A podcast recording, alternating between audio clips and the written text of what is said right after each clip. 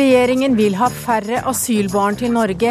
Ekstremt smålig, sier SV-leder. Mens FrPs Tybring-Gjedde mener flyktningkatastrofen er overdrevet. Jeg er død innvendig, sier norske pakistaner som ble giftet bort mot sin vilje. Tvangsgifte er vanligere enn vi tror, mener advokat. Og fra fyrverkeriet Trude Drevland til en innestemme som taler i tunger. Møt Marita Moltu, som kan bli ny ordfører i Bergen. Velkommen til ukeslutt. Jeg heter Hege Holm.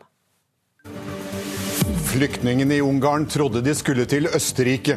Så ble toget stanset i nærheten av et flyktningemottak. I Ungarn har rundt 1000 flyktninger som har oppholdt seg ved togstasjonen i Budapest, begynt å gå til fots mot nabolandet Østerrike. Rammer midt i hjertet. Slik beskriver statsministeren bildet av tre år gamle Aylan Kurdi, som nå går verden rundt.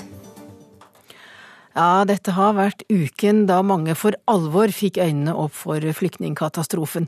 350 000 desperate flyktninger har kommet til land i EU i år, mot 280 000 i, he, 280 000 i hele fjor. Og over 3000 har mistet livet under flukten. Bilder av desperate flyktninger som kaver under piggtråd på grensen mellom Serbia og Ungarn, og en druknet treåring som skyller i land på stranden i Tyrkia, har gjort inntrykk. Og vi har med oss statsminister Erna Solberg. Du er på valgkamp i dag, og du er med oss fra et arrangement som er på Stord. Hva slags inntrykk har bildene vi har sett og historiene vi har hørt gjort på deg personlig? Altså, dette gjør jo vondt å høre, og jeg tror at uh, vi alle kan uh, ja, forsøke å sette oss inn i hvilken forferdelig opplevelse det må være for foreldre, pårørende og andre. og ta med seg barna på en sånn flukt som dette er. Eh, og Derfor er det utrolig viktig at vi nå passer på at vi tar vare på alle de som kommer. At vi gir eh, gode tilbud. og Det er derfor vi forsøker å bygge det opp eh, raskest mulig på de som kommer til Norge. Hvilke følger får økningen av flyktninger som kommer til Europa på norsk politikk? Det betyr at vi kommer til å få flere må, bygge opp flere asylmottak. Det betyr at vi må bygge opp flere tilbud til enslige mindreårige asylsøkere. For det har vært en særlig stor tilstrømming av de i løpet av hele sommeren. Det betyr at vi er nødt til å sørge for at vi får mer kapasitet på alle områdene. Også at vi kommer til å ha enda større behov for bosetning i kommunene i året som kommer. For en del av den hovedstrømmen av de som kommer nå, er personer som får opphold, for de kommer fra Eh, katastrofeområder. De kommer fra krigs- og konfliktområder. Eh, det er sånn at I hele år og i hele fjor så var det større antall som fikk opphold fordi de kommer fra konfliktsituasjoner. Men, men, Norge bestemte jo før sommeren at vi skal ta imot 8000 syriske flyktninger over tre år. Eh, vil sommerens strøm av flyktninger som skal få opphold, må få opphold, eh, føre til at vi må ta imot flere? Det er to forskjellige strømmer. Sant? Det ene er å hente ut flyktninger fra høykommissær på høykommissærens anbefaling, som er blant de svakeste og mest sårbare fra områdene i nærområdene. Og Da mener jeg at, eh, at de 8000 vi har satt, eh, det, det skal vi gjennomføre. Men så er det eh, antallet av de som kommer i dag, som på egen hånd har tatt seg videre til Europa. Og den tilstrømningen blir jo mye mye større. Det blir jo egentlig sånn at kvoteflyktninger blir en veldig liten del av det totale mengden vi skal bosette i årene fremover. Og Vi skal ha gode opplegg for det, og jeg syns den dugnaden vi ser, den frivillige innsatsen vi ser, er fantastisk bra. Vi må bare sørge for at den også holder seg når de kommer ut i kommunene, når barn skal delta i idrettslag, når de skal få muligheten til å komme i en normalisert situasjon etter en stor og farefull flukt. Vi skal høre mer om eh, dugnadsinnsatsen, og du skal få kommentere eh, det etter hvert, eh, Erna Solberg. Men, men betyr den enorme flyktningstrømmen som vi ser nå, at vi må ta imot flere flyktninger i Norge enn det som var planlagt? Ja, vi tar imot flere av de asylsøkerne som kommer. Og de er jo flyktninger, de òg, men de har flyktet på en annen måte enn å være via høykommissærens kvoter. Og Det er jo ikke noe vi kontrollerer eller styrer. Dette er deres behov, de som kommer her. En vurdering av deres situasjon, hvordan situasjonen er der de kommer fra, som avgjør om de får opphold eller ikke. Og sånn som det ser ut nå, er det svært mange av de som kommer til å få opphold. I dag morges våknet vi til nyheten i Aftenposten om at eh, din justisminister Anders Anundsen har bedt UDI om å utrede hvordan strømmen av mindreårige enslige asylsøkere kan reduseres. Eh, hvorfor kommer dette utspillet akkurat nå? Dette er jo en innsynsbegjæring på et brev som er sendt tidlig i sommer fra, fra, fra Justisdepartementet for å be få UDI sine råd. For, for, å lage en plan for det arbeidet. Jeg tror alle vi er enige om at det er ikke bra at enslige barn sendes på den farefulle ferden som det er å reise, f.eks. slik som mange av de som kommer nå er fra Afghanistan, hele veien gjennom Europa, eh, for å ende opp eh, som enslige mindreårige i Norge. Dette er et område hvor folk er fare for misbruk, det er fare for overgrep, det er kyniske menneskesmuglere som står bak det.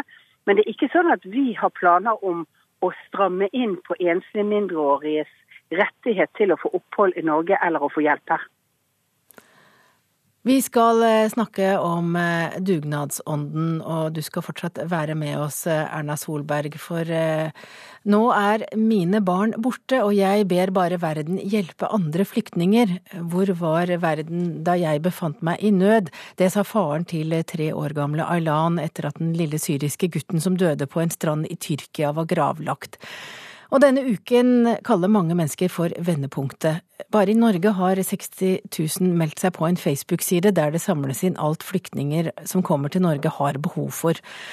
Og en blomsterbutikk på Kampen i Oslo har blitt sentral for innsamling av klær, sko, leker og hygieneartikler til de mange titalls flyktningene som ankommer politiets utlendingsenhet på Tøyen hver dag. Og ukeslutts reporter Linn Beate Gabrielsen har møtt noen av ildsjelene. Hei, skal du levere klær? Ja. Du, Kan jeg da be deg bare om å kjøre bort på lageret? Hovedlageret ligger i første vei til, til venstre. Ja. Det er til venstre. Det er rett rundt ja, men det kan jeg gate til venstre. Da gjør jeg det. Ja, Det er jeg på kjøreoppdrag for mamma. Rett og slett.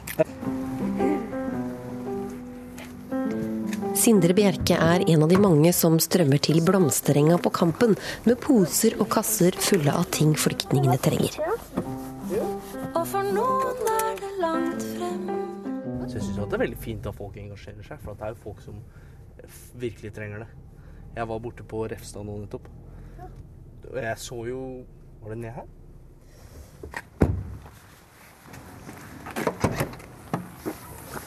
Det vi leverer, da, er vinter vi har vinterklær som ikke passer til oss. Vi er fire søsken.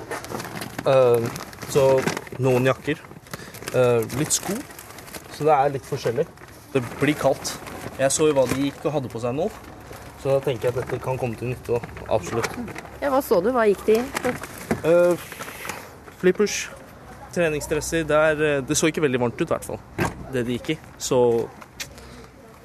Skal vi se om det var inn her. Men uansett hvor langt det er, bratt og glatt og mørkt det er, så venter det noe der. Ja, vi skal opp. Men du Ja, sånn, ja. Men bare sett det på midten. Fordi at da kommer det, kommer det folk klokka fem, og så sorterer vi. Toril Strand viser oss rundt på lageret. Det er fylt av artikler som skal til flyktningene som kommer til politiets utlendingsenhet på Tøyen litt lenger ned i gata. Det på gulvet her nå, det er bare i dag. Det er de to siste, to siste timene. Rundt fem-seks-tiden så begynner de å komme nede på um, Tøyen her. Det, det kom jo 80 stykker bare i går. Og alle kommer i det de står og går i. Så får vi da melding opp. Det er en to år gammel gutt, fikk vi i går som ikke er noen ting. Han er klissblaut. Og så lager man en pakke til han, og så får han se på hvordan folk har gjort seg flid med pakke. Her er det altså ytterjakke, fleecejakke, sko. Fire til seks år. Så er det en liten tegne, tegneblokk inni her. Og ligger i en sånn pose pent pakka. Det er helt fantastisk. Pendelen har snudd, snudd litt, syns jeg. Sier Bård, som også hjelper til. Plutselig så traff det oss og, og blei veldig reelt og virkelig. Og ehm, at nå er det en kjempedugnad på gang over hele landet, og det er utrolig fint å se, syns jeg. Altså. Ja, hva har skjedd? Fra restaurantene begynte å donere mat i forrige uke, til at over 60 000 mennesker har mobilisert på Facebook. Vi spør filosof Arne Johan Vetlesen. Det blir et spørsmål om hvordan vil vi, ikke bare som norske, men også som europeere, Eh, møte nøden til alle disse menneskene. Og vi vil gjøre det på en måte som vi, som vi kan stå for, og, og som gjør at vi kan bevare også vår, vår selvrespekt som, som, en riktig måte. Og det at noen land da bygger høye murer, det kan også gjøre at vi, vi blir rasende. Vi tenker at det er ikke det signalet Europa skal gi. Vi kan bli rasende på hvordan enkelte land eller enkelte politikere takler dette. Gjør at vi, vi mobiliserer også følelsesmessig og vil markere noe helt annet. Bare det å gå forbi ned i Kjølberggata og se folk på vei hjem til sin trygge, gode, varme leilighet mm. med sine matvarer i posen i, i et uh, miljø som du kjenner og som du er trygg i. Mm. Og det å se folk som kikker ut av et vindu og som aldri har vært der før, og hvor har jeg kommet hen, og, og åssen blir livet mitt nå, mm. uh, det er i hvert fall uh, noe som jeg har tenkt på. Da. Jeg, tenker, jeg tror det bidrar når folk, når folk får dette innpå eh, på livet, så, så, reflekterer en over og klarer på en helt annen måte å sette seg inn i hvilken situasjon folk faktisk er i. Da. Og Det tror jeg er noe av grunnen til at den pendelen har liksom snudd litt. Tilbake i blomsterbutikken må Synne Weber ta telefonen støtt. Vi har vært mange av eh, de siste dagene. Jeg er rett og slett flau over regjeringa, hvor mye de sitter og krangler om hvor lite de kan gjøre. Men det pågangsmotet som er befolkninga, er jeg stolt av å kunne være en del av det. Det er jo helt motsatte signaler av det folk gjør og det regjeringa sier. Ja, der var det en liten skyllebøtte til regjeringen. Ja, statsminister Erna Solberg, du er fortsatt med oss. Hvordan kan dere bruke denne dugnadsviljen? Jeg syns det er fantastisk flott at mange stiller opp og hjelper. Eh, det er en veldig kritisk situasjon rundt akkurat eh, registreringen av eh, nyankomne. Fordi det har blitt så utrolig mange flere i løpet av august måned som kommer. Derfor bevilget vi mer penger til politiets registrering og førstemottaket i går, innenfor de rammene som regjeringen har lov til å gi penger til. Altså, um, og så har vi sagt at vi kommer med en større pakke som Stortinget må ta stilling til med en gang tre sammen i oktober. Fordi vi må bygge opp flere mottaksplasser. Vi skal ha alle de gode tilbudene som trengs når vi får flere flyktninger som kommer, og som skal eh, vente på å få saken sin behandlet. Men først må de registreres. Og, og da får de jo eh, hjelp til en del basisting. Men det er absolutt sånn at når folk er på flyktningmottak, så er det å få ekstra hjelp fra folk som har ting til overs, om det er leker, om det er eh, klær, om det er sko, så vil det være velkommen uansett om det er stor eller liten tilstrømning av flyktninger. For det er sånn at det vil være begrenset også med ressurser hvor mye hver enkelt familie får som kommer her. Og ikke minst det å ta med den dugnadsånden inn i integreringsarbeidet. Med å sørge for at uh, Ja, frykter du, frykter du at den kan bli borte? Nei, altså jeg vet jo at det, dette er et område hvor det er mange som gjør en stor innsats allerede. Eh, det er mange flyktninggrader rundt omkring i Norge. Det er mange som hjelper i integreringsprosessen. Men å ta det med seg inn i den prosessen, ikke bare første øyeblikk man kommer, men tenke hva kan man gjøre for de som sitter i mottak i dag, og som trenger å ha noen å snakke med for å lære seg bedre norsk. Eh, det sitter folk som venter på bosetning, som går på norskkurs, trenger å øve seg og bruke norsk. Da kommer de lettere inn i arbeidslivet. Det å lage vennegrupper, det å ta dem med inn i frivilligheten.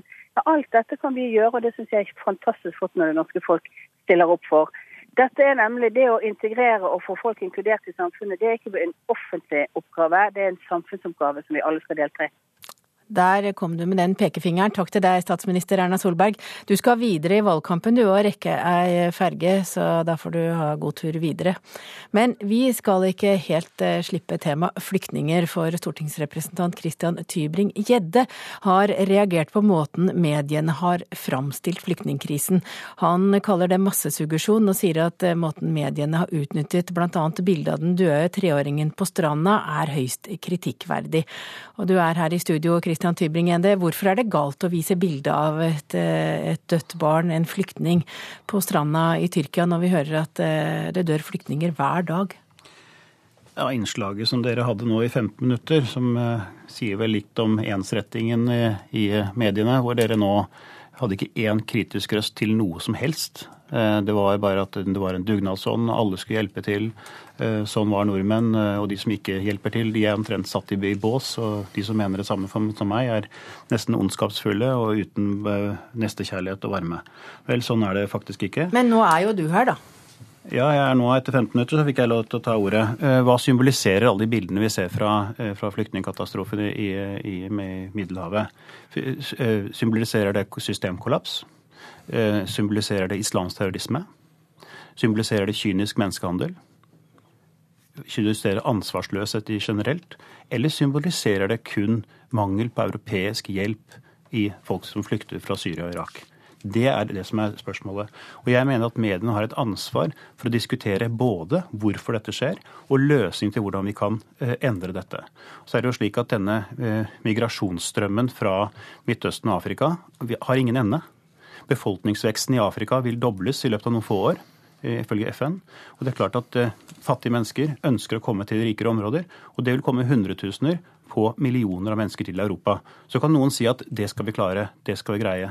Vel, jeg er opptatt av å bevare vår egen nasjonale kultur. Og vi ser det at mange eh, opplever i sine nabolag at deres egen opprinnelige kultur svinner hen, den forvitrer.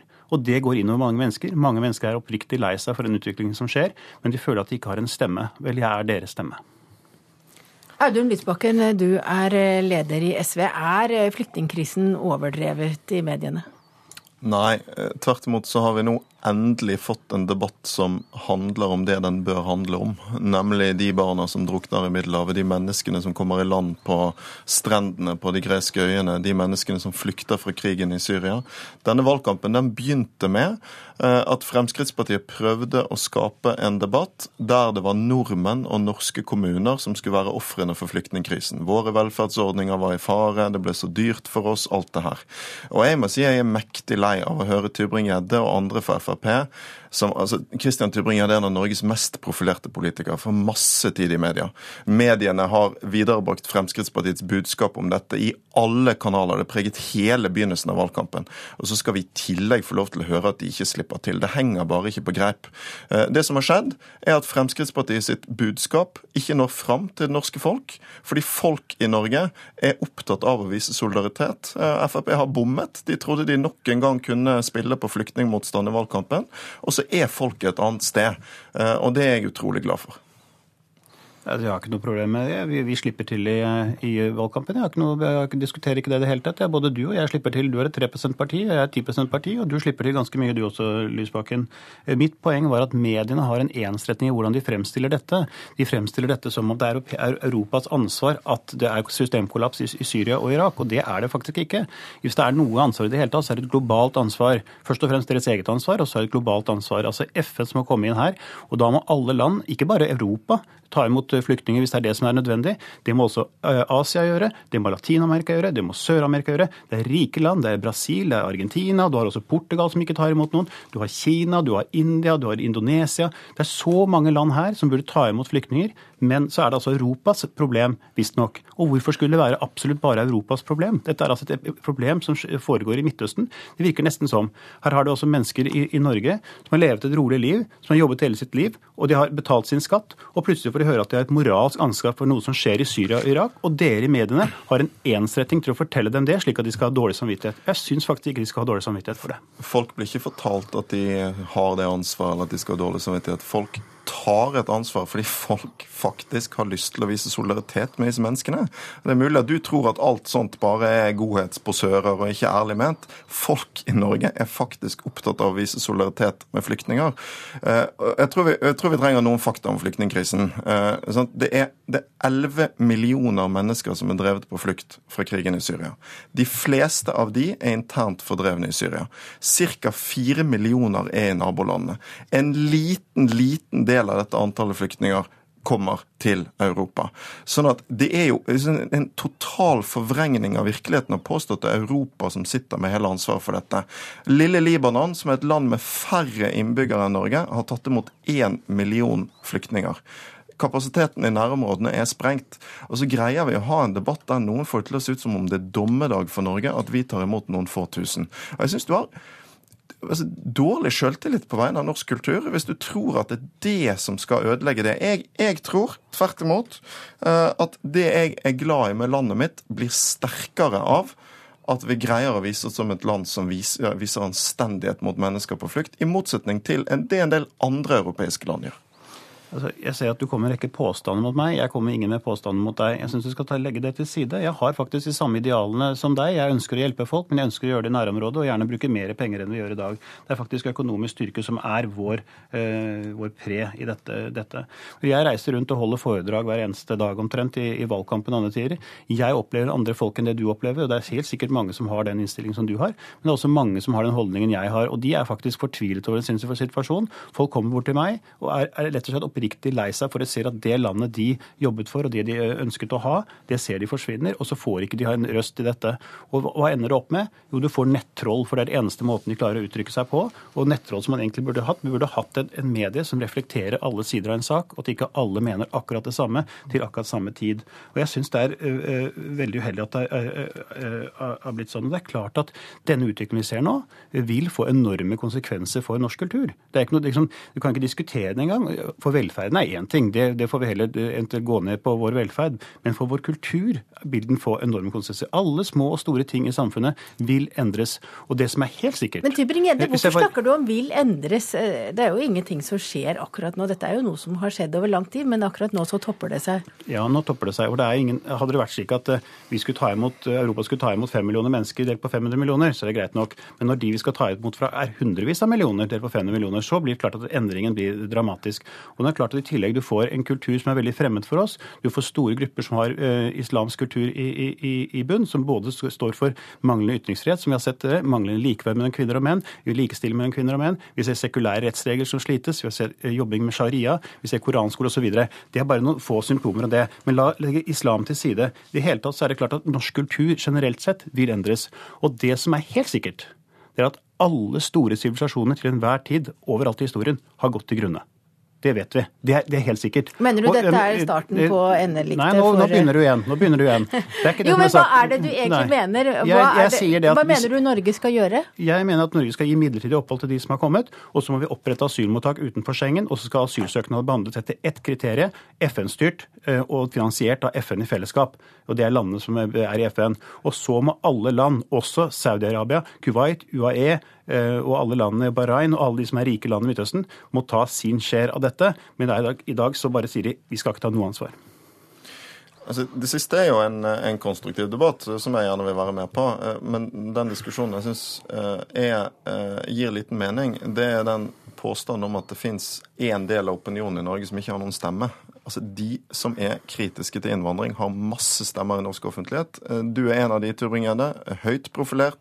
Dere slipper masse til. Det er bare ikke et sant bilde av den offentlige samtalen eh, i Norge. Men, men jeg syns at denne debatten må den må begynne et annet sted. Den må handle om noe annet enn utfordringene for norsk kultur. Norsk kultur har bestandig forandret seg. Den vil bestandig forandre seg. Den er ikke en statisk ting. Jeg og du har noen felles, eh, en del felles kulturarv, men vi har jo ganske forskjellig kultur, forskjellige verdier, forskjellige meninger. Sånn har det alltid vært. Det står en kontinuerlig kamp om hva som skal være eh, de norske verdiene for framtiden. Eh, og det er altså ikke om vi tar imot en del flyktninger eller ikke, som avgjør hvordan det vil være i framtiden. Jeg tror vi kommer til å ha et sterkt norsk norsk fellesskap i framtiden, men som ikke nødvendigvis er basert på hvor mange generasjoner du har bak deg i dette landet. Men det som er viktig nå, det er de menneskene som denne flyktningkrisen handler om. Eh, og Grunnen til at så mange kommer inn i Europa nå, er jo at de ikke får den hjelpen de trenger i nærområdene. Fordi de nærmeste landene har tatt imot så mange at kapasiteten er sprengt. Derfor kan vi ikke lenger si at vi må hjelpe de i nærområdene, ikke her. Vi er nødt til å gjøre begge deler. Det er Europas ansvar nå å ta imot de som har kommet til Europa, og det er umulig å sende de tilbake. Dette er jo mye surr på en gang. Ja, Nå må du være helt kort. Ja. ja Syv av ti av de med raskest voksende økonomiene i verden er i Afrika. Det er nok av rom der, og det er nok av økonomi som vokser i Afrika. Og når du snakker om eh, verdier, Lysbakken, verdier, du ser på verdier, jeg ser på de prinsipielle verdiene som er menneskerettigheter, og det som Norge og Europa er tuftet på. Og det var de verdiene jeg nevnte i sted, som er likestilling og likeverd og ytringsfrihet og disse tingene. Det er de som er utfordret i Europa. Det ser du også gjennom, uh, gjennom det som skjer i andre land i Europa. Det kommer også hit. Uh, og, og, du kan ikke late som at dette er bare en endring som skjer. Dette er alvorlige endringer som vil forringe og endre vår kultur for det som var frihetsbasert, til det som blir noe helt annet. Uh, da fikk du siste ord i denne debatten, Christian Tybring-Gjedde, og takk for at dere kom til studio. til Christian Tybring-Gjedde Brede og Audun Lysbakken. Jeg vil til Bergen, vil til Bergen med det samme. Mange av dere har opplevd meg som en, ja, hva skal man si, hyperaktiv og lettere eksentrisk ordfører. Bare de siste ukene har jeg sett beskrivelsen som vandrende sirkus og andre mer eller mindre flatterende karakteristikker. Ja, lettere eksentrisk og et vandrende sirkus. Denne uken eh, ble den mildt sagt fargerike og ikke helt lavmælte bergensordfører Trude Drevland tvunget til å trekke seg fra valgkampen og ta ut permisjon, mens politiet vurderer korrupsjonssaken mot henne på nytt. Nå, en drøy uke før valget, er det mye som tyder på at Bergen får en ny ordfører, og det kan bli stille mellom de syv fjell, for Kristelig Folkepartis høyaktuelle ordførerkandidat Marita Moltu er ikke blant blant de som skriker høyest, eller synger brannsanger for full hals? Jeg, jeg kan ikke synge en brannsang nå, altså. Det kan jeg ikke. nå står det helt stille for meg. Heia Brann, heia Brann. ja. Eh. Vi kommer tilbake til obligatorisk bergenskunnskap litt senere. Marita Moltu gir seg klar til å ta imot folk på Torgallmenningen. Valgbrosjyrer blir lagt fram, og vaffeljernet er på plass. Valgbodene står oppstilt på rekke og rad, og i midten står den gule valgboden til KrF. Helt tilfeldig, men likevel symbolsk. For årets kommunevalg i Bergen ligger an til å bli uhyre spennende, der Moltu kan komme til å spille en nøkkelrolle. Uansett om det er Arbeiderpartiet eller Høyre som blir største parti. Det er jo alltid hyggelig å være aktuell, så det det syns jeg er gøy. Så du liker å være den fristerinnen som står, står utenfor og, og, venter på en, en beiler? ja, jeg, jeg, vil ikke akkurat se på det sånn, da, men, eh, men, politikken er i hvert fall veldig viktig for oss. Der vi kan få mest gjennomslag for KrF sin gode politikk. Eh, og der, der, er det fristende å gå. Som politiker er ikke Marita Moltu den som skriker høyest eller tar stor plass i det offentlige rom. Selv om jeg er litt rolig og kanskje litt forsiktig i andre sine øyne, så vet de som kjenner meg, de, de vet at jeg òg er bestemt. Skulle du ønske at du var litt mer sånn ah, bergensk brautende? Ja, jeg trenger, trenger ikke akkurat være brautende, men, eh, men, bestemt, det er jeg. Nå er jo ikke du for Bergen sjøl? Nei, jeg har eh, bodd i Bergen i 20 år, men jeg kommer fra Sandnes. Hva syns du om bergenserne? Bergenserne er sjarmerende folk. Jeg er jo gift med en bergenser òg, så det, det, sier jo litt. Men hva vet bergenserne om KrF sin ordførerkandidat, som på mange måter er den rake motsetning til dagens ordfører Trude Drevland? Blir det synd å miste henne? Hun er jo en fargeklatt med sine flagrende gevanter og sitt eh, gode lynne, så ja. Det kan være litt trist å miste henne, ja. Blir det like morsomt hvis KrF og Marita Moltu blir ordfører? Unnskyld meg, nei jeg tror ikke det, du. Jeg vet ikke hvem det er. Altså, jeg aner ikke. Jeg vet ikke hvem Trude Drevland er, men jeg vet ikke om hun har andre. Nei, det må vi bare ikke få. Hvorfor ikke? Nei, Kristelig Folkeparti det er jo bare sånn bråkerparti. Et lite museparti som skal bestemme alt. Og de får det jaggu som de vil òg. Du kan jo få en ordfører med tungetale, da? Ja, det var det. Det syns jeg vi har hatt en del av, hvis du spør meg om. Får vi en ordfører nå som kan tale i tunge? Eh, jeg har vært veldig åpen om min tro. Eh, og, og, troen min betyr veldig mye for meg. Så er det gjort et tabloid eh, forsøk på å ja, vise fram en annen side av meg. og det syns jeg det må få jeg få styre. Det er altså en, over en halv milliard mennesker i, i, verden som hører til karismatiske menigheter. Så dette er ikke noe veldig spesielt. Men for en som ikke helt vet hva det er, hva er det for noe? Nei, Der stopper jeg. Jeg vil ikke gå inn på dette her nå. Nå er det meg som politiker jeg skal vise fram. Jeg tror Marita Molte ville stå seg mye bedre på å stå frem som tydelig person og fortelle om hva hun tror på, og hva hun har med seg av ideologi og overbevisning og sånne ting. Jeg tror eh, det er noe som kan hjelpe henne i den politiske prosessen der frem mot å bli ordfører, nettopp at bergenserne blir bedre kjent med henne som person. På godt og vondt og tvilsomt og alt det der. Det har hun ingenting å tape på. Det ser kommentator i Bergens Tidende Frode Bjerkestrand. Han forstår lite av at Moltu nekter å snakke om sin religiøse tilknytning. Det er ikke noe å skamme seg over. Altså, dette representerer det, det, er en stor og omfattende kristen aktivitet på Vestlandet, og i bergensområdet også. eh, som har en, en, veldig sterk politisk vilje i seg. Jeg husker på Marita Molte og mannen Thomas Molte. De kom inn i politikken på et veldig sterkt sosialt engasjement, spesielt for ruspolitikk. Og de ønsket å gjøre noe spesielt med rusfeltet. Og eh, det har jo også med ideologi å gjøre, selvfølgelig, og religiøsitet. De kommer fra et, eh, dette som kaltes Levende ord før, som nå heter Kredo-kirken, som er et veldig sterkt karismatisk miljø. Eh, som, som, er sterkt levende på Vestlandet. Vi skal huske at vi har Kristen Gunnfjell på Vestlandet her, som er, som er tydelig, som har formet vestlendingen på en måte. Da. Så de representerer også en del av av politiske grunnfjellet på Vestlandet. Så eh, Hvorfor hun ikke vil snakke med det, begriper jeg ikke. Det skjønner jeg ikke. Men Skjønner du at folk er nysgjerrig på, på den sida av deg, som, selv om du er en politiker? Det forstår jeg. Jeg forstår at det kan være fremmed for folk, men samtidig så må vi ha respekt for det. Og, og jeg, troen er viktig for meg, og det men hva er du redd for, da? Men nå er det politikken som er viktig. Jeg, jeg vil ha rett eh, vinkling på meg som person. Men, men tro har du jo med deg i politikken òg? Det er meg som politiker jeg ønsker å eh, ha fram her. Eh, så, eh, så, min tro, den er min tro, og det må de andre ha respekt for. Så vi kommer ikke noe videre her? Det gjør vi ikke. Ideologi er ikke alltid privat. Ideologi gir seg utslag i politikk, og det er det du tar med deg. Den store ryggsekken vi alle har på ryggen. sant? Og bagasje fra oppvekst, kultur, religion og alt sånt. Så disse tingene griper inn i hverandre. Så jeg har vanskelig å forstå det. Og det er det er ingenting å skamme seg over. Jeg leste i avisen at hun tror hun kan tungetale, f.eks.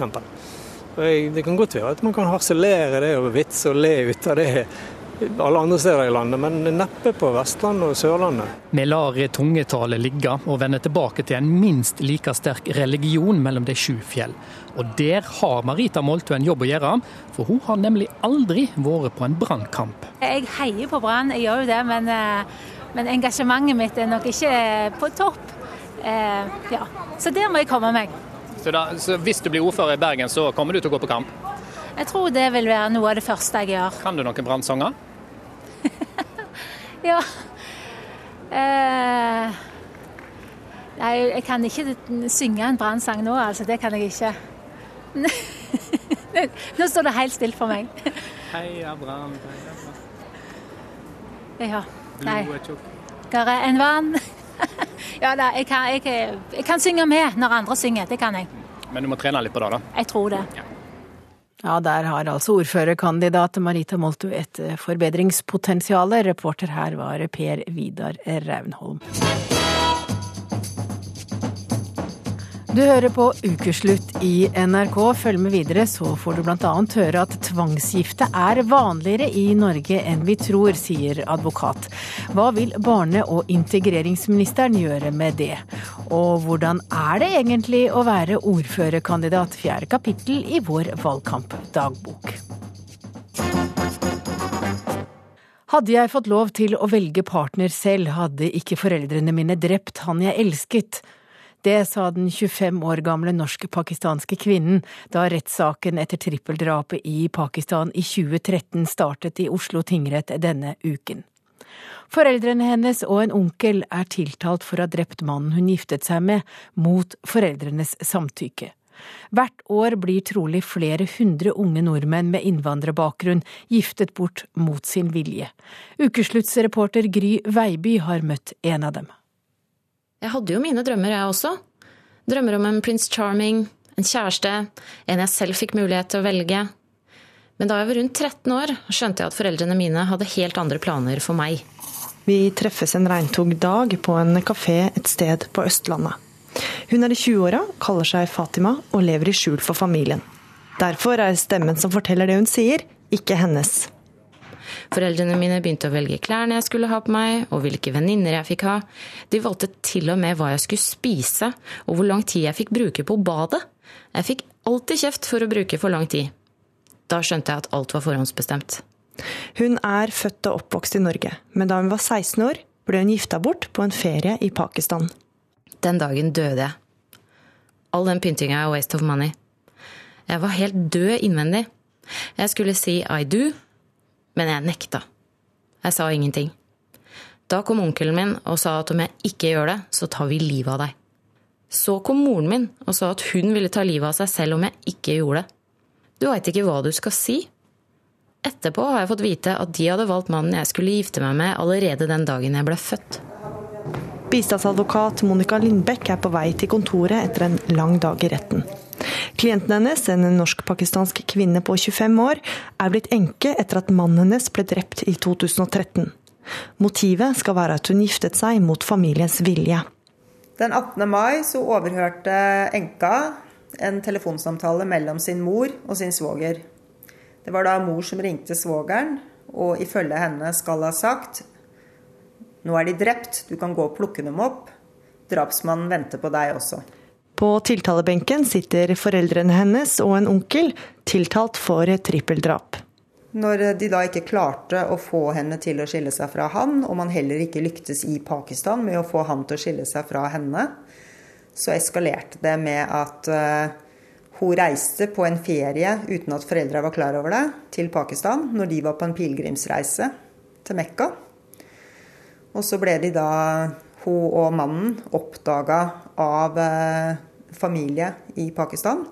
Og da gikk det jo ikke mer enn to-tre uker før drapet fant sted. Selv om saken som starta i Oslo tingrett denne uka er ekstrem, er den allikevel en påminnelse om at ikke alle får velge fritt hvem de skal gifte seg med. Jeg tenker at det fortsatt i Norge i dag er svært utbredt. Jeg har representert eh, ikke så rent få høyt utdanna norsk-pakistanske jenter som også blir pressa til å inngå ekteskap med personer i Pakistan som de knapt kjenner. Jeg får gåsehud. Jeg får det. Jeg forstår hvor knekt og knust hun føler seg. Hver eneste natt prøver jeg å sette bitene sammen for å prøve å forstå hvorfor familien min gjorde det de gjorde. De sa at jeg var blitt for norsk, at jeg ikke er en god datter. Fatima følger rettssaken nøye. I dag er hun skilt, og hun er livredd for å bli identifisert. I perioder har hun også gått med voldsalarm. Blir jeg gjenkjent, er løpet kjørt. Jeg kan bli drept. Jeg har mottatt disse truslene før. Hadde det ikke vært for barna mine, hadde jeg ikke holdt ut. Men nå som jeg har barn, må jeg holde meg i live. I Oslo tingrett har onkelen erkjent at det eneste motivet for drapet var ære.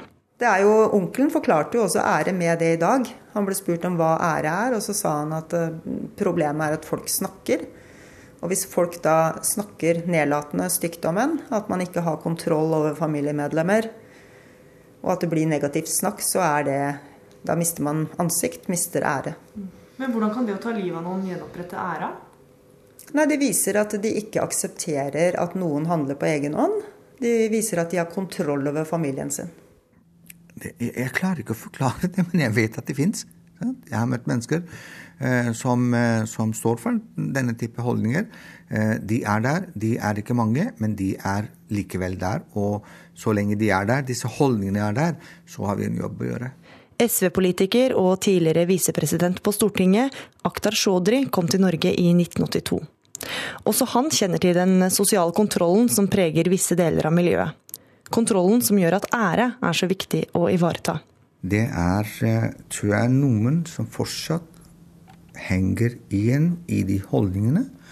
Og ikke minst det sosiale kan vi si, samfunnsbyggingen i Pakistan, eller om du kommer fra Irak, eller hva det nå er for noe Eh, og, og agere ut ifra det. Sosial kontroll er, er dessverre eh, altfor alt for stor. Eh, dette presset er altfor stort, og særlig for, for unge mennesker som, som har mindre hva kan vi si, makt og kraft enn ja, eldre generasjon. Så sliter de. I begynnelsen tenkte jeg at jeg kanskje bare var uheldig, at jeg var født i feil familie, at jeg ikke var god nok for dem. Men jo mer tida gikk, har jeg begynt å tenke på at problemet ligger i mentaliteten og miljøet. Folk er så opptatt av hva andre sier. Det finnes ingen offisiell statistikk over hvor mange som blir gifta bort mot sin vilje. Røde Kors får rundt 400 henvendelser om æresrelatert vold og tvangsekteskap årlig, mens myndighetenes hjelpetjeneste har så langt i år gitt råd og veiledning i 170 saker. Mange sier at dette ikke skjer, at det ikke er et stort problem, men det skjer. Jeg sitter jo her. Vi er i 2015. Hvor er æren når du gjør dette mot ditt eget kjøtt og blod? Det er mange som ikke tør å si noe, men jeg er overbevist om at mange sliter med det samme. Det er på høy tid at vi tar et oppgjør med denne ukulturen. Ja, og Fatima var, ble intervjuet her av Gry Veiby, som hadde laget reportasjen.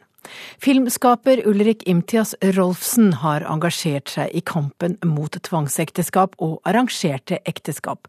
Han mener at det er store mørketall, og at det ikke blir færre som henter ektefelle til sine norske barn i hjemlandet Pakistan. Rolfsen har laget filmer og dokumentaren Frivillig tvang om temaet, og jeg tok med meg Ulrik Imtias Rolfsen til inkluderingsminister Solveig Hornes kontor. Fatima etterlyser et oppgjør med ukulturen, og jeg spurte inkluderingsminister Solveig Horne hva hun vil svare Fatima.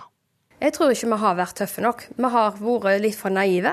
Eh, der vi har vært redde for oss å gå inn i din privatsfære. Der vi har vært redde for oss å eh, stille faktisk krav til foreldrene og på en måte være tøffe med dem. Men akkurat i disse situasjonene her, der mener jeg at vi må være tøffe overfor foreldrene og si at dette her, her er ikke holdbart. Og det er faktisk for konsekvenser hvis du utsetter dine egne barn for slike handlinger.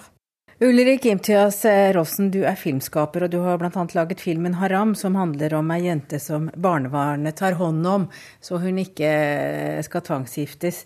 Hvordan kan ære bli viktigere enn barns liv? Det er fordi at eh, æren er samfunnsliv. Eh, det er samfunnet, eller klanens liv, overlevelsesevne, som står på spill. Eh, ære betyr å eh, sørge for at det er riktig barn som blir arvtakere i neste generasjon. Og dermed må man kontrollere særlig da jenters seksualitet for å sørge for at de får barn med riktige menn. Det er ære. Og, sørge for at det opprettholdes. Og, og, da sier man at det å gjøre som foreldrene sier, er ære. Men det foreldrene sier, er jo gift deg med riktig mann. Eh, så det handler om å kontrollere arverekkefølgen, rett og slett. Du har vært eh, på dette kontoret før, eh, Ulrik. Du har vært her sammen med Fatima. Hva kom ut av det?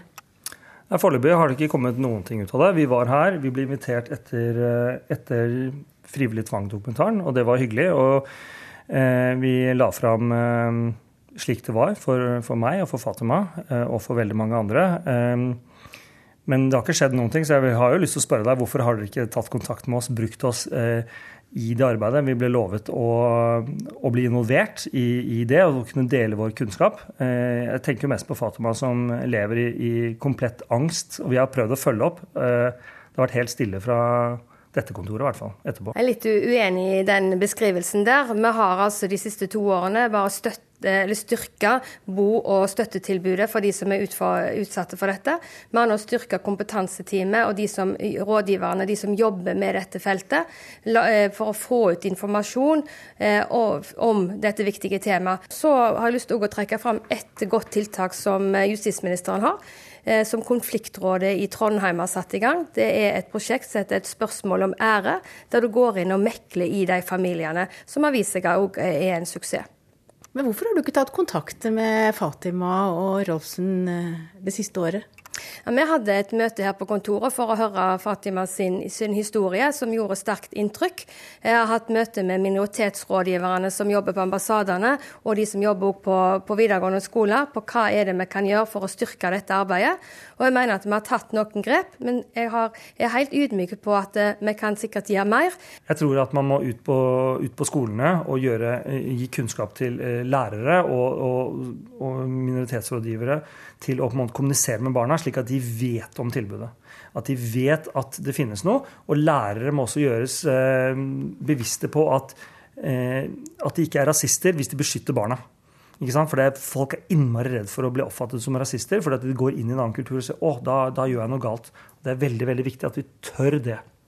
Har også flytta dette arbeidet over til, eh, til Barne-, ungdoms- og familiedirektoratet, som nå også har lansert en ny nettside der både lærere og folk som jobber både i barnehage og lærere, kan få råd og kunnskap. For det handler også om kompetanse og kunnskap til de som jobber med barn. Hvis de er liksom bekymra for at her er det noe som de må reagere på, kontakt, hvem, hvem, kontakter du? Og det at vi har et kompetanseteam som vi nå mener vi har styrka, eh, så kan òg være med å gi hjelp og, og veiledning. Dette er innmari vanskelig. Det er veldig, veldig vanskelig å, å forstå hva som er tvang, og hva som er eh, måte, vennligsinnet arrangement. Eh, veldig mange miljøer i Norge også driver jo på en måte og arrangerer sine barn til å ønsker, Jeg ønsker jo ikke at mine døtre skal bli Hells Angels eller et eller annet sånt. Jeg har jo lyst til at de skal liksom bli sånn Ulve Hagby-folk sånn som meg. Og det, det er sånn man, man, ønsker seg. Men det er et stykke derfra til å på en måte sette helt klare regler. Du kan gifte deg med hvem du vil, bare det er en av disse to fetterne. Ikke sant? Eh, det er veldig vanskelig, og særlig for de barna som da vokser opp her i Norge, og så ser de på en måte friheten til de andre. Og så ser de at de, de vet så veldig godt selv at de aldri vil kunne ta del i den friheten. De, de har på en måte lært de er, de er, opplært til det. At de har ingen frihet til å velge det. Dette er forutbestemt. Og, og, for oss som da bor i Norge, og som ikke helt skjønner den kulturen og hvordan det er, så er det veldig lett å liksom bli liksom beroliget at å ja, det er bare arrangert. Å ja, det høres jo litt ut som å arrangere et bryllup. Det er jo veldig hyggelig. Men det handler ikke om det. Det handler om å kontrollere hvem barna har sex med. Og det er forbudt per norsk lov, egentlig, da. Men, men en kan jo si at uh, kjærlighetsekteskapet er jo heller ingen, uh, ingen perfekt uh, match. Nei, og det er, det er, det argumentet som alle kommer med. Ja, men herregud, nordmenn skiller seg jo hele tiden, de også, og det er jo forferdelig. Ja, men man har fri rett til å velge hvem man skal gifte seg med, og man har fri rett til å velge når man skal skille seg. Og Det er en fundamental rettighet i Norge, og jeg tror at våre individuelle rettigheter i Norge er noe av det viktigste vi har. Eh, og eh, jeg vil kjempe for at disse ungdommene skal faktisk få den samme friheten som, som alle de andre. Og jeg, jeg tror på kjærligheten, jeg. Ja. Mange sier at du svartmaler. Du skjærer alle over en kam. Du, eh, du er altfor negativ om det miljøet du delvis kommer fra. Hva svarer du? Nei, er, jeg er vant til å få kritikk fra øst og vest jeg, og, og høyre og venstre. Så jeg må bare følge min eh, overbevisning, og, og, den overbevisningen er at jeg vil at alle skal ha et fritt liv. Eh, jeg vil at kjærligheten skal seire. Og jeg ser så mange som er ulykkelige. Men jeg ser også at de er veldig ulykkelige hvis de brytes ut fra familien sin. Og jeg tror at vi må Eh, og det må kanskje ta litt selvkritikk på det, at jeg har vært liksom litt for tøff på den tonen. Jeg tror at vi skal inkludere familiene i den dialogen og få det til å bli en løsning innad i familien, istedenfor å på en måte dra folk ut av familien. Jeg tror ikke det er noen god løsning for folk. Det blir et splittet, uh, splittet samfunn med mange ulykkelige mennesker. Uh, så, så, en dialog med familiene og, og, og, prøve å lære dem opp til at det er ikke et moderne samfunn verdig å, å ha det sånn. Det er ikke produktivt for landet vårt. Og vi har kommet fram til det fjerde bladet i vår valgkampdagbok. Og i dag møter vi ordførerkandidat for Løten Senterparti, Marte Larsen Tønseth, som håper at en egen valgkampsang kan gjøre susen. Og ordførerkandidat for Høyre i Tromsø, Christian Støbakk Nilsen, som kjenner på nervene. Hei, jeg heter Marte Larsen Tønseth, er 24 år og er ordførerkandidat for Løten Senterparti. Jeg heter Kristian Støbakk Wilhelmsen, er 24 år og ordførerkandidat for Høyre i Tromsø.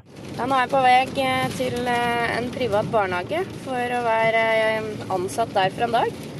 Og Det kan bli en spennende opplevelse. og Jeg skal møte en partikollega til meg, ungdomskandidaten vår Nikolai. Og det er sprutende regnvær. og han har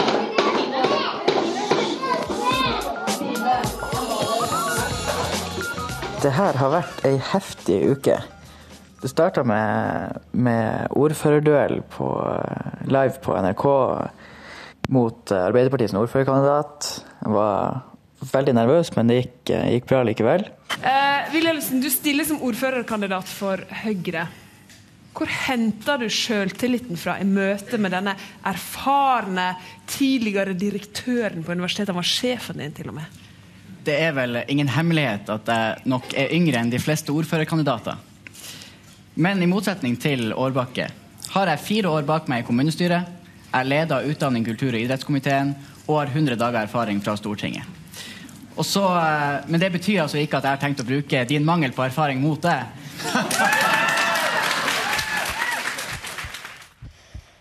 og um, om jeg hadde sett eh, opptakeren inntil brystet nå, så er jeg sikker på at dere hadde hørt eh, at hjertet mitt slår ekstra mye. For jeg skal faktisk debutere i debatt i kveld. Mange tror jo at en ordførerkandidat har møtt til debatt mange ganger. Og på en måte er det jo riktig, det. Men jeg har møtt til debatt i møter i, i andre organer, ikke en sånn offisiell politisk debatt med førstekandidater. Så det her, ehm, eh, både gruer jeg meg til og gleder meg til, og hjertet banker ekstra hardt. Så, så kan jeg vel si at hjertet banker ekstra hardt for, eh, for Løten, da. I dag ble jeg invitert eh, til min gamle barneskole for å, for å snakke om hvordan det å være politiker. Det var en, en klasse som hadde et prosjekt eh, om kommunevalget. Ungene var mest interessert i, i, å høre om eh, det nye badelandet, om det ble stupebrett og vanskelig og sånne ting. Og om de kunne få nytt klatrestativ i, i skolegården. Ja, og her hørte vi ordførerkandidatene eh, Marte Larsen Tønseth og Christian Støbakk Nilsen fortelle om eh, hvordan valgkampen går. Sendinga er slutt. Ansvarlig var Lilly Fritzmann. Det tekniske hadde Erik Sandbråten. Jeg heter Hege Holm, og jeg ønsker dere en riktig god helg.